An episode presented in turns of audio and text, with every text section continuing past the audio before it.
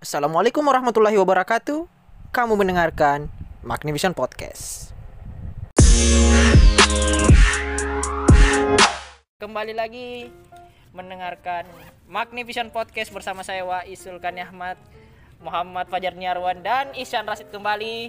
Ada juga bergabung Pak Direktur Gameprint.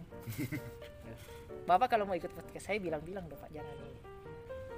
Anda tidak mau bersuara. Ini ini bukan video Pak. Anda Anda ditahu eksistensinya karena Anda bicara Pak. Begitu. Tidak mau bicara juga Pak. silahkan Oh, silahkan. Oh iya, kita disupport satu epi kata yang sangat berharga satu kata yang sangat berharga episode ini disupport oleh Genprint. Apa pun bajunya, sablonnya tetap di Genprint. Mau sablon berkualitas, mau sablon tahan lama, jangankan tahan lama. Adapun pial eh, perang dunia ketiga muncul, sablon Genprint tetap di sablon, Pak. Tidak ada alasan untuk menolak pelanggan. Jangan khawatir, sablonnya berkualitas, sablonnya kualitas tinggi, bisa ditunggu dalam satu jam. ya, Jangan khawatir, Pak. Jangan khawatir. Saya divisi divisi front pembela printer. bahkan kalau anda masuk ke Genprint pelayanannya sangat-sangat istimewa kalau anda datang selamat datang Paduka Sama Paduka. Anda Anda Anda kalau simpan ini parkir parkir kendaraan di Genprint tidak cuma dijaga, Pak. Setelah ini, setelah Anda kasih uang tukang parkirnya, Pak, itu bukan tidak didorong ke jalanan, Pak, didorong sampai rumah. ya, untuk yang penasaran Genprint nanti kita tinggalkan eh di caption nanti kita tinggalkan eh, tem- eh, alamat ini, nama nama email, nama nama IG-nya, IG-nya. Yang jelas jangan khawatir, walaupun tempatnya apa? Tempat Genprint itu di Bungorok Pangkep, mungkin tidak pernah tahu Bungorok. Ini Anda tahu daerah, ada Anda mungkin di luar negeri dengarkan ini. Jangan khawatir, Genprint juga melayani pengiriman langsung. Jangan sam- jangan khawatir, jangankan pergi ke eh, Libanon, jangankan ke Israel. Dia juga melayani eh, kirim langsung ke Vatikan. Ya, sangat- Samudra Pasifik hantam. Samudra Pasifik hantam Pak. Jangan khawatir Pak. Dan juga sebenarnya eh, dia juga eh, melayani Pak. Me- bisa bisa di board selain bisa bordir, bisa di printing sablon juga bisa didesainkan sendiri Pak itu. Tapi jangan susah-susah katanya. Oke, kita masuk ke episode kali ini kembali lagi bersama kita bersama kami bertiga ditemani oleh Direktur Genprint, sponsor dari kegiatan kali ini. Sebenarnya episode kali ini disponsori dari Genprint ya, jadi makanya kami tadi sudah menjilat dan mempromosikannya dengan tidak masuk akal. Apa pun podcastnya menjilat brand minumnya. Untuk yang lain kalau mau disponsori bisa Pak, karena ya. selain kita tidak bisa monetize karena syarat untuk monetize di Anchor saya lihat harus punya nomor telepon Amerika Serikat. Aduh, susah. Terakhir ini ada ini. Eh salah satu calon bupati di NTT dia ini Pak, ternyata dia tersinyalir punya eh, kewarganegaraan Amerika Serikat. Jadi ani kema- artinya ke- kemenangannya dipermasalahkan tapi katanya dia sudah punya KTP jadi itu kita serahkan ke pihak berwajib. Sebelum masuk ke judul di atas, kembali lagi kami akan menyampaikan berita-berita yang walaupun tidak berguna setidaknya menambah pengetahuan. Diawali dari kumparan.com, sumber berita terpercaya, Pak. Pria di Palembang bakar rumahnya sendiri karena tak diberi sabu. Tak diberi uang beli sabu Oh ya, tak dibeli uang, tak dibeli uang untuk beli sabu. Ya. Oke, jadi ceritanya begini. Taswim, Taswim namanya Taswim Pak, Taswim. Padahal nama-nama keren itu seperti Anggi, ya Sabiru Sabiru, nama-nama keren. Michael Masih ada. 2020 orang namanya Taswim. Sekarang sudah masuk 2021 Pak. Seorang pria diamankan pihak kepolisian setelah membakar rumahnya sehingga menyebabkan kebakaran 18 rumah di kawasan Pasar Gubah, Kecamatan Bukit Kecil, Kota Palembang. Di hadapan petugas Taswim mengaku perbuatannya itu dilakukan lantaran kesal dengan ibunya yang tak memberikan memberinya uang untuk membeli narkoba jadi sabu. Saya minta uang, tapi tak diberi, malah diberi ditinggal pergi. Makanya saya marah dan hilaf. Kembali lagi Pak, apa pun masalahnya, apa pun salahnya, hilaflah jawabannya. Hmm, saat orang tuanya pergi, Taswim membakar spray yang berada di atas tempat tidur kamarnya. Lalu dirinya pergi ke rumah pamannya di kawasan Sekojo. Ini pak, ini bukan ini pak, bukan main lari ini, ini ini bakar lari ini pak, bakar lari. Pria pengangguran sudah pengangguran, bakar rumah. Saya tidak tahu banyak yang terbakar.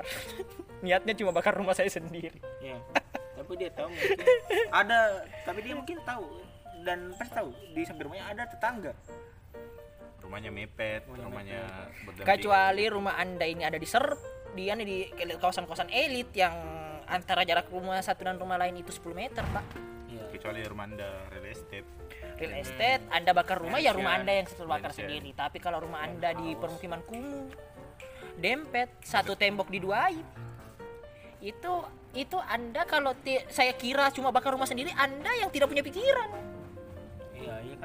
nih ini hilang hilaf. Katanya hilaf, Hilaf, jadi hilaf. setelah diamankan beliau bilang begini. Jadi saya ini akhirnya diamankan oleh polisi.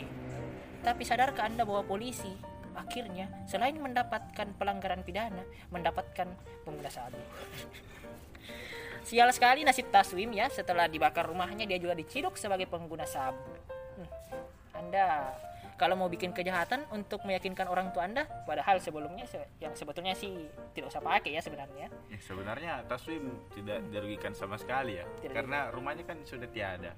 Jadi dia tinggal di penjara saja. Jadi ibunya lebih baik di penjara juga supaya karena tidak punya rumah juga. Begitu. Aja.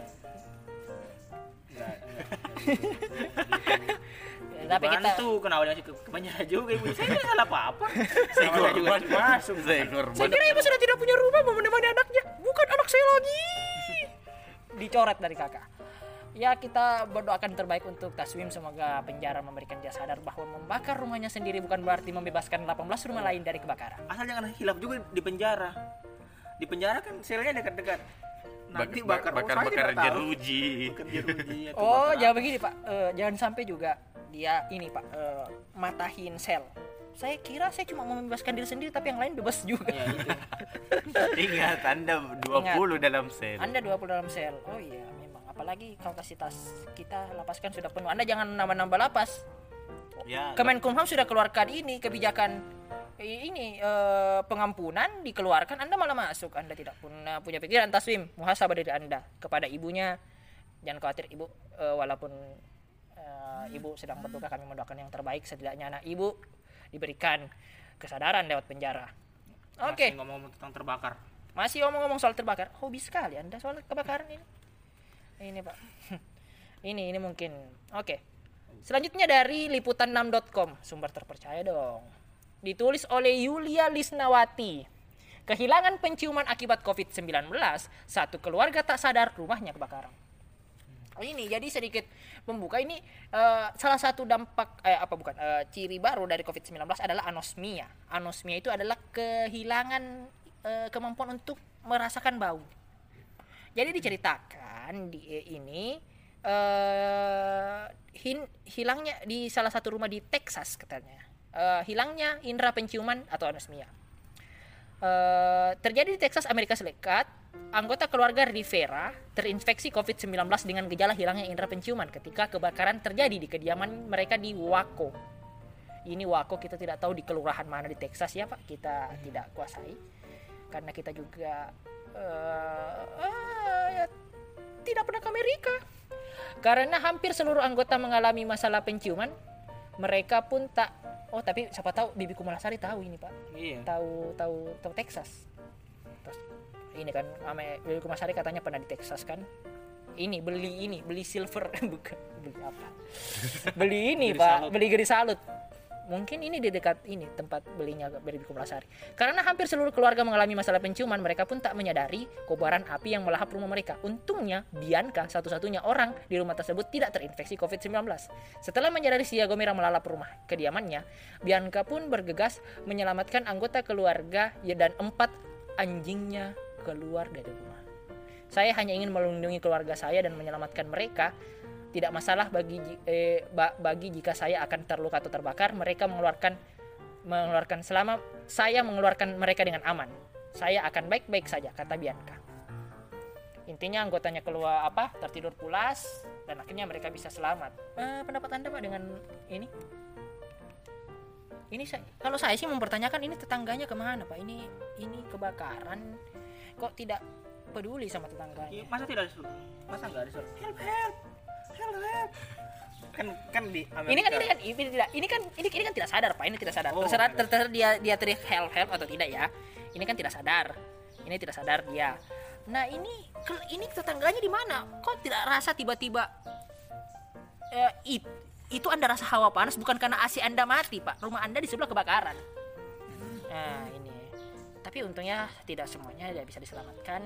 Eh, dipentingkan juga untuk mungkin meningkatkan instalasi yang bagus supaya Hmm. well, si ini. Kita apa ya eh, unik. Kita tidak bilang ini kita eh, membenarkan kejadian ini ya pak. Tapi semoga tidak terjadi lagi. Bahaya ya pak gara-gara sudah kena corona rumah hilang juga. Oke. Berita terakhir. 10 tahun buron mantan kontraktor dicokok di tenda pengungsian gempa dari pojok selebes Mamuju. Seorang buronan terpidana korupsi. Eh, oke kita tahan dulu ketawa kita ya. Ini ini ini saya mau mau ini mau mau prihatin dia kena gempa tapi ternyata dia buron. Eh, terpidana korupsi pada kejari pare-pare atas nama Bubasir Namanya saya sudah mubasir. Dia memanfaatkan eh, kelebihan dana oh ini begini. Dia karena dia tidak mau dananya Bubasir jadi mending saya pakai saja. Ya mungkin dia tak ya, dia ya mungkin dia "Wah, jangan sampai kalau ini kita habiskan semua ya tidak terasa manfaatnya. Mending saya pakai saja daripada mubasir. Berhasil ditangkap di salah satu tenda pengungsian gempa di Mamuju. Eh, salah satu anggota dari Kejari Mamuju Arif mengaku penangkapan buronan korupsi ini dilakukan saat asik di tenda pengungsian bersama keluarganya jadi kita sedang misalnya iya aduh. Eh, tuh dulu. Asyik di tenda pak. Mana orang yang sedang berduka? Ini gempa. Mungkin rugi rugi material ini. Masih bisa berasyik-asyik di gem di dalam tenda ini. Ya dia bilang ya iya kami tangkap di tenda pengungsian. Sang buron mungkin dia bersembunyi dan berbaur dengan keluarganya selama di tenda pengungsi. Sementara kepala seksi penkum Kajati Sulbar Amiruddin mengatakan penangkapan buronan korupsi dilakukan Kajati Sulsel, Kajati Parepa, Kejari Parepare, Kejati Sulbar dan Kejari Mamuju dan penangkapan dipimpin langsung oleh PLT Kajari Parepare. Kami tangkap sore tadi dan dibawa eh, dibawa ke Parepare. Eh, dia adalah terpidana kasus korupsi proyek pengadaan partisi dan penataan ruangan kantor pelayanan pajak pertama Kota Parepare. Eh, ini Pak, eh, penataan ruangan. Mungkin mubasir kalau kita eh, mungkin eh, tinggi ruangan harus satu meter, dua meter mungkin daripada mubasir 3 meter mungkin saya ambil daripada bayar mahal-mahal eh, Ah. desainer interior Desainer Nah, interior mending saya mending saya ngambil. gunakan Oke, untuk saya di tenda Nah, Neka, oke. Jumlah kerugian negara atas ini adalah 200 juta ti 200 dua 200 juta 130 ribu 38.390 rupiah. Mubasir Esos terbukti melanggar pasal 3 Junto pasal 18 Undang-Undang Nomor 31 tahun 1959 tentang eh sebagaimana diubah dengan pasal 20 tahun 2001 tentang pemberantasan tindak pidana korupsi Junto. Eh, tunggu dulu ya pa- panjang-panjang sekali Pak ya. Intinya dia melanggar banyak peraturan. Eh dihukum pidana selama satu tahun denda 50 juta. Dengan ketentuan apabila denda tidak dibayarkan akan dipidana lagi dua bulan. Menghukum pula terpidana membayar uang pengganti sebesar 30.753.122 rupiah. Oke, apabila tidak mampu membayar uang pengganti maka terpidana menjalani pidana penjara selama tiga bulan. Eh, eh, jadi kami sarankan kalau bapak eh, sedang ada kerugian gempa atau dan tidak dapat pengganti dari pemerintah karena kayaknya kalau kerusakan berat itu dapat penggantian sampai 50 juta pak. Kalau ini kalau rumah bapak Bubasir masih dapat. Sepertinya tidak me- eh, dari tuntutan ini bapak sampai setengahnya pun tidak bisa dibayar pak. Kalau oh dapat sih oh, tuh dulu Eh, mengembalikan uang dan denda ya, dia- ya. Dia didenda 50 juta. Cuma cukup bayar denda pak. Eh, jadi saya sarankan untuk bapak menambah eh, liburan bapak di penjara sampai tiga bulan pak. Daripada bapak disuruh bayar 30 juta dan dapat tapi yang penting jangan korupsi. Ini korupsi masih ada ya. Tapi ini kita mau bersyukur atas ada gempa gara-gara itu bisa menemukan buron atau bagaimana? Ini kita juga dia dapat kasus begini. Nah, ini berkaitan langsung dengan tema kita hari ini yang berjudul silakan dibaca Fajar berdamai dengan koruptor. Eh, ya ini suara saya saya Wais Wais Wais ini Isan, KPK Isan. tolong kami jangan di dilempar apa dulu ya? jangan jangan semua pendek pendek tolong ini ada penjelasan di balik seperti judul kita yang kemarin pasti ada penjelasan di balik nya itu tema yang kami eh, judul yang kami bahas karena kalau berbahaya tidak mungkin diupload. Nah. Kami masih mau selamat. oke eh, berbicara soal koruptor ini em, kita sepakat satu hal. Kita membenci apa yang dilakukan koruptor. Itu sudah itu sudah sampai kepada tahapan ultimate lah kita tidak bisa ini. Kita kita bahkan setuju bahwa korupsi itu dikatakan eh, kejahatan luar biasa Extra- extraordinary crime. ordinary crime. crime. dan bahkan sampai muncul eh, eh, apa eh, usulan-usulan bahwa koruptor itu harusnya dihukum mati tetapi hal ini sebenarnya juga dipandang tidak efektif.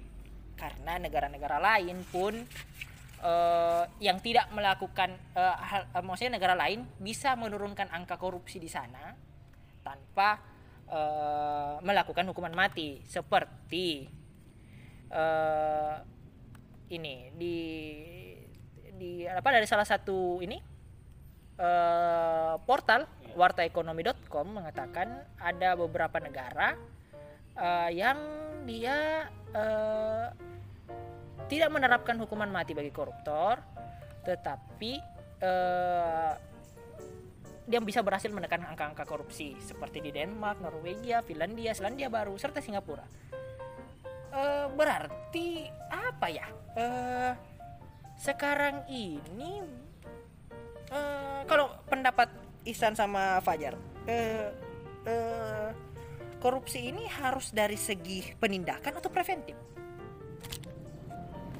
Nah, Kalau untuk korupsinya ya, ya harus dua-duanya. Dua-duanya, oke. Kayak bagaimana sebenarnya kan permasalahan sebelah eh, yang ditakutkan adalah ketika korupsi dianggap lumrah Hmm. di masyarakat bahwa mengambil apa yang bukan milik kita itu eh, tidak masalah selama eh, tanda kutip ada uang capeknya atau apa itu kan bukan kepemilikan mereka kan sebagai penja- eh, pejabat. Oke, Malah- pemberian. ya malah mereka mengambil eh, apa yang bukan milik mereka. Nah jadi di- kalau ditanya apakah preventifnya diperlukan ya tentu perlu berupa kesadaran dari tiap orangnya. Dan pen- eh, penindakannya eh, perlu juga. Namun yang dipertanyakan adalah apakah efektif atau tidak. Kalau kita bicara soal gratifikasi, sementara gratifikasi itu masuk salah satu tindakan koruptif. ya. Tetapi di satu sisi ada nilai lain yang berangkat di masyarakat begini. Ketika Anda eh, memberikan eh, memberikan saya uang Pemberian. pemberian, Anda meng- menghina nilai intelektualisme saya. Sementara kalau Anda tidak menerima uang saya, Anda menghina nilai sosialis saya. Artinya nilai saya suka memberi atau namanya adalah nilai kita dalam masyarakat. Ya kita berterima kasih sama orang. Itu bagaimana? ya sepakat sepakat ini menurut eh, apa ya Eh, gratifikasi yuk sebenarnya secara konsep sudah diterapkan di berbagai macam belahan ya di Indonesia gitu ya teman-teman teman-teman yang hadir semua saya yakin punya bapak dan ibu ya tidak mungkin tidak ada punya bapak dan ibu konsep gratifikasi itu teman-teman wah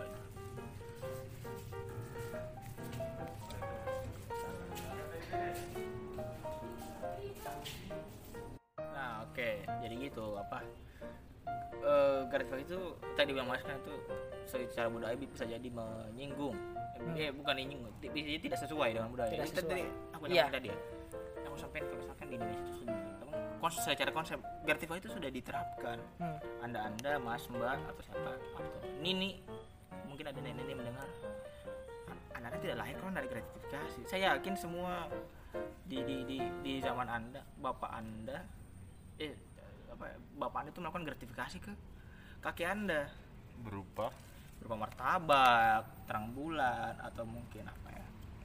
Itulah banyak hasil Eh, kebun hasil jika mungkin orang tuanya Berarti petani juga dulu ya ada yang bawa kacang panjang, ada yang mungkin bawa ini atau apa? Ada yang mungkin bawa Itu gratifikasi supaya bisa pac- jadi pacarnya gitu. Iya toh. Pembujuk, pembujuk. Saya dibawa keluar. Apa dibawa keluar lagi apa? Jalan. Dia- diajak jalan. keliling Itu gratifikasi secara konsep seperti itu.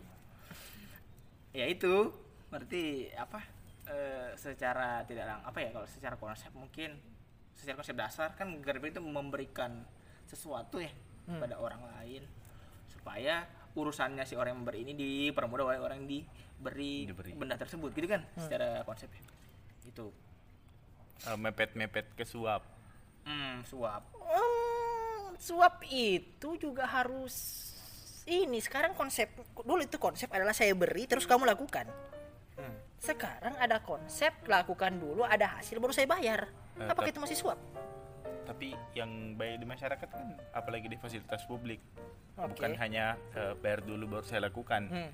melainkan bayar dulu baru saya permudah. Oh, Nah, oh. kalau sekarang suap gini suap dulu baru bisa pergi. Suap. Jak jokes jokes jokes. Iya pak. Tetapi ini oh iya sekarang kita harus eh, eh, kalau mau pergi ke mana mah harus swab swab swab dulu pak. Swab test nah em, oke kita sepakat di situ. Gratifikasi eh, itulah sulit digunakan karena sudah sudah dari dulu ya. Sudah. Iya. Namanya juga apa ya orang Indonesia itu baik menurutku. Karena dia itu tidak dia itu selalu menghargai pekerjaan orang. Iya. nah, tahu diri bahwa Ta- saya iya. ini menyulitkan orang lain. tahu diri tetapi setelah orang orang kita sudah tahu diri orang yang tidak tahu diri cuma mau mengerjakan menurut saya sih begini. Eh eh, kalau saya ya kalau saya ini pendapat saya pendapat saya. Tapi kalau anda dalam aturan di kerja anda tidak boleh menerima ya ya laksanakan itu. Nah kalau menurut saya pribadi kalau anda dikasih kan begini dalam dalam agama juga kita dilarang menolak kan begitu? Dalam kan dalam agama itu a- nilai agama tertinggi adalah bagaimana kamu memberikan eh, kebahagiaan di hati orang lain. Itu seperti itu. Nah yang harus menjadi catatan adalah kalau anda diberikan terus anda men- an- anda melakukan sesuatu untuk orang terus menerima menurut saya boleh.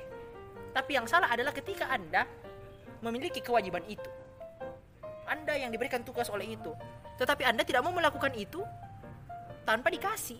Ah, itu dan membedakan antara orang yang memberi dan orang yang tidak memberi. Ya, menurut saya itu ada ada perbedaan salah. perbedaan kinerja antara ketika Iya. memberikan atau tidak. Ya mungkin itu yang menjadi dasar bahwa pemerintah sekarang saya rasa sudah tidak bisa ini orang sudah tidak bisa membedakan lagi. Mending saya larang semua. Nah, ini anda anda yang mulai mempudarkan nilai-nilai masyarakat.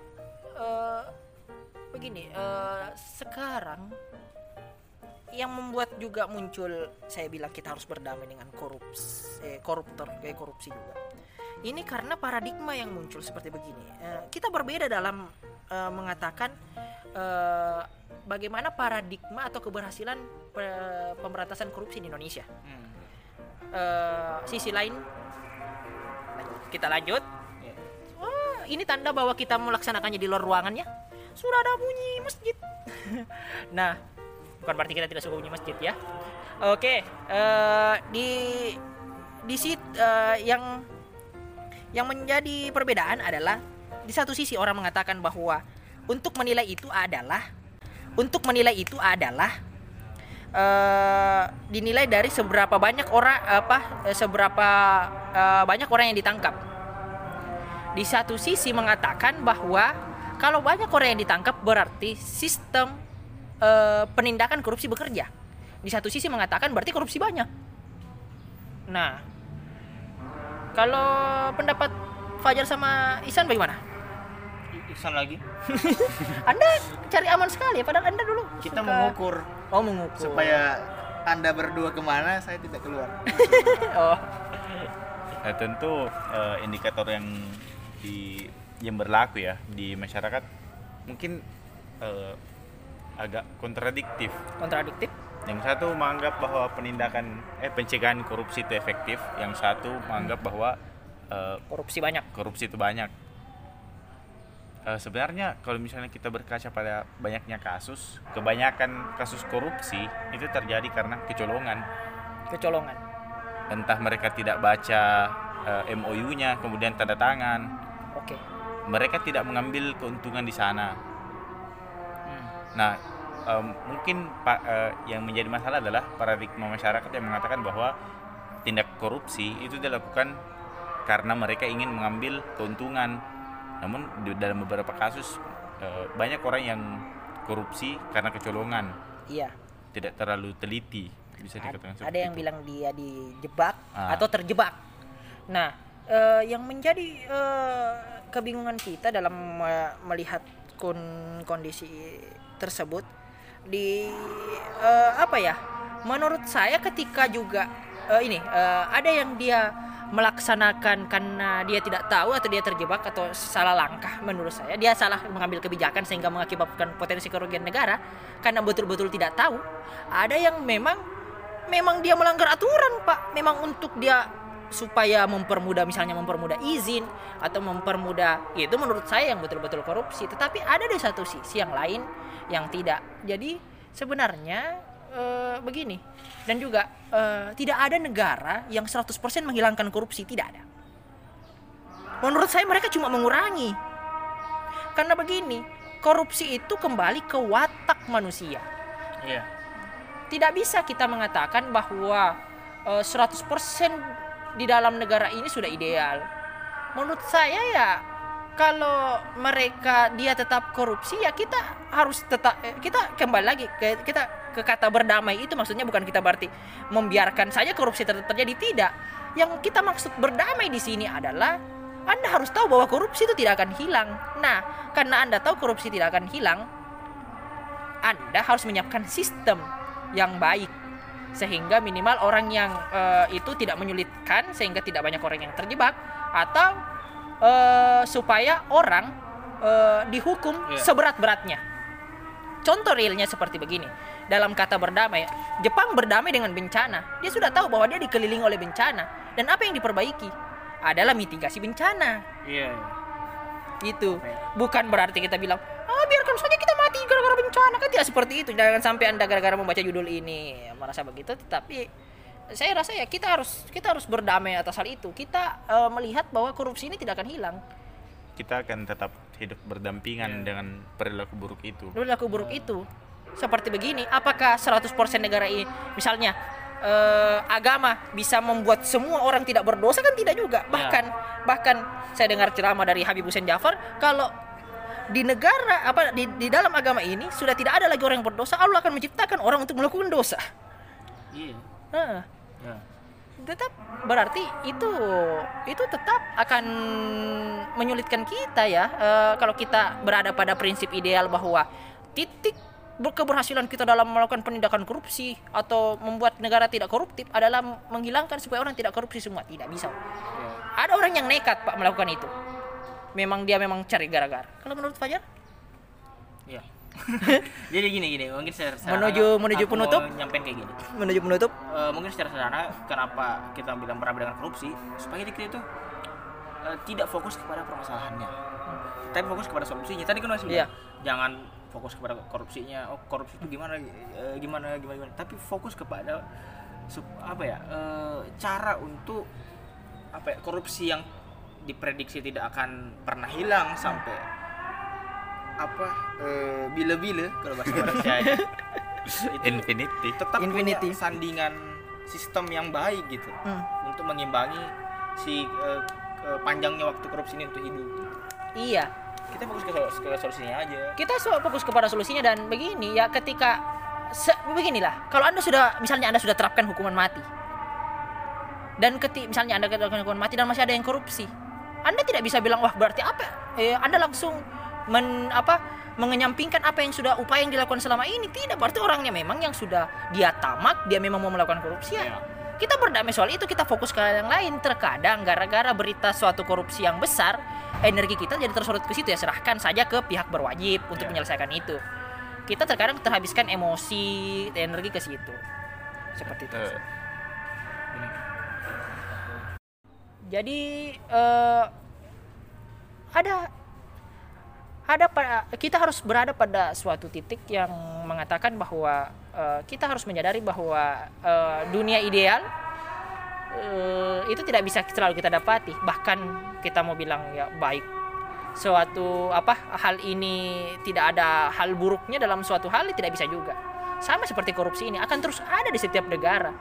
Tapi negara harus menyiapkan instrumen-instrumen hukum untuk menghadirkan asal keadilan di mana orang yang bersalah tetap dihukum seperti begitu dengan eh, ketentuan-ketentuan yang berlaku ya kita berdamai di situlah dalam hal seperti ini Eh, poin yang harus digarisbawahi adalah kita berhenti berharap hal yang mustahil. Hmm. Hal yang mustahil itu apa?